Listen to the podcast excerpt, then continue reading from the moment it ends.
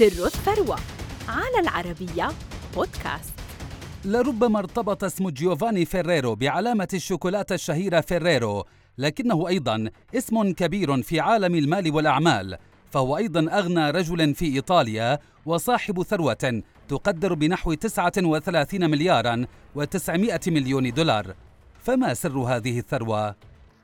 ولد جيوفاني فيريرو في إيطاليا عام 1964 وهو العام الذي احتفل فيه والده ميشيل فيريرو بأول منتج من الشوكولاتة لماركة فيريرو الشهيرة بعد أن كان قد ورث عن والده مقهى ومخبزا بسيطا. آنذاك قام ميشيل الذي لقب بملك الشوكولاتة بتعديل أحد منتجات أسرته التي بدأت نشاطها التجاري في أربعينيات القرن الماضي. كان المنتج جاندويا عبارة عن شوكولاتة ممزوجة بالبندق تباع في وعاء زجاجي لكنه صنع منها نسخة كريمية تحت علامة تجارية جديدة هي ماركة نوتيلا التي حققت رواجا كبيرا لاحقا. اتبع ميشيل الذي بدأ اسمه يظهر كأهم صانع للشوكولاتة سياسة سرية في الإنتاج كذلك منع التجول في مواقع التصنيع ثم بدأ بتطوير أعماله ليفتح خطوطا للبيع عالميا. في السبعينيات أطلقت الشركة منتجات جديدة كمفاجأة كندر وهي بيضة الشوكولاتة التي تحوي ألعابا للأطفال وكذلك كرات فيريرو روشيه الشهيرة.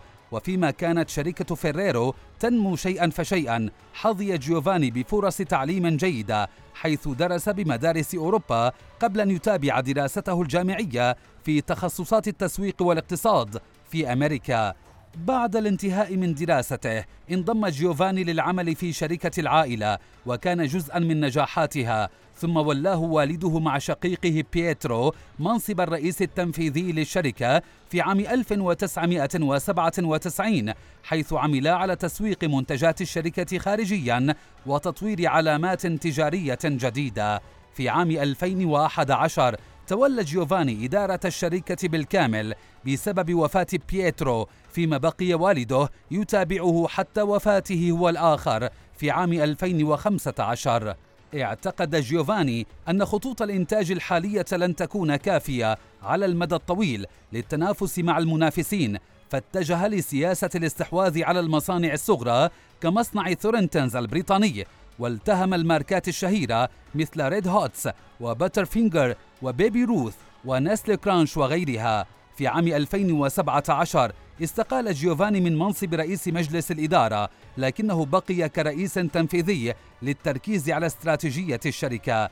اليوم باتت فيريرو سبا ثاني أكبر شركة لتصنيع الحلوى في أوروبا ويعمل بها أكثر من عشرين ألف شخص في ثمانية عشر مصنعا منتشرة في جميع أنحاء العالم. فيما امتلك جيوفاني الذي يشتهر بأنه روائي أيضا ثروة تقدر بنحو 39 مليارا و900 مليون دولار مع تربعه على عرش مملكة الشوكولاتة التي تجلب السعادة لمحبيها.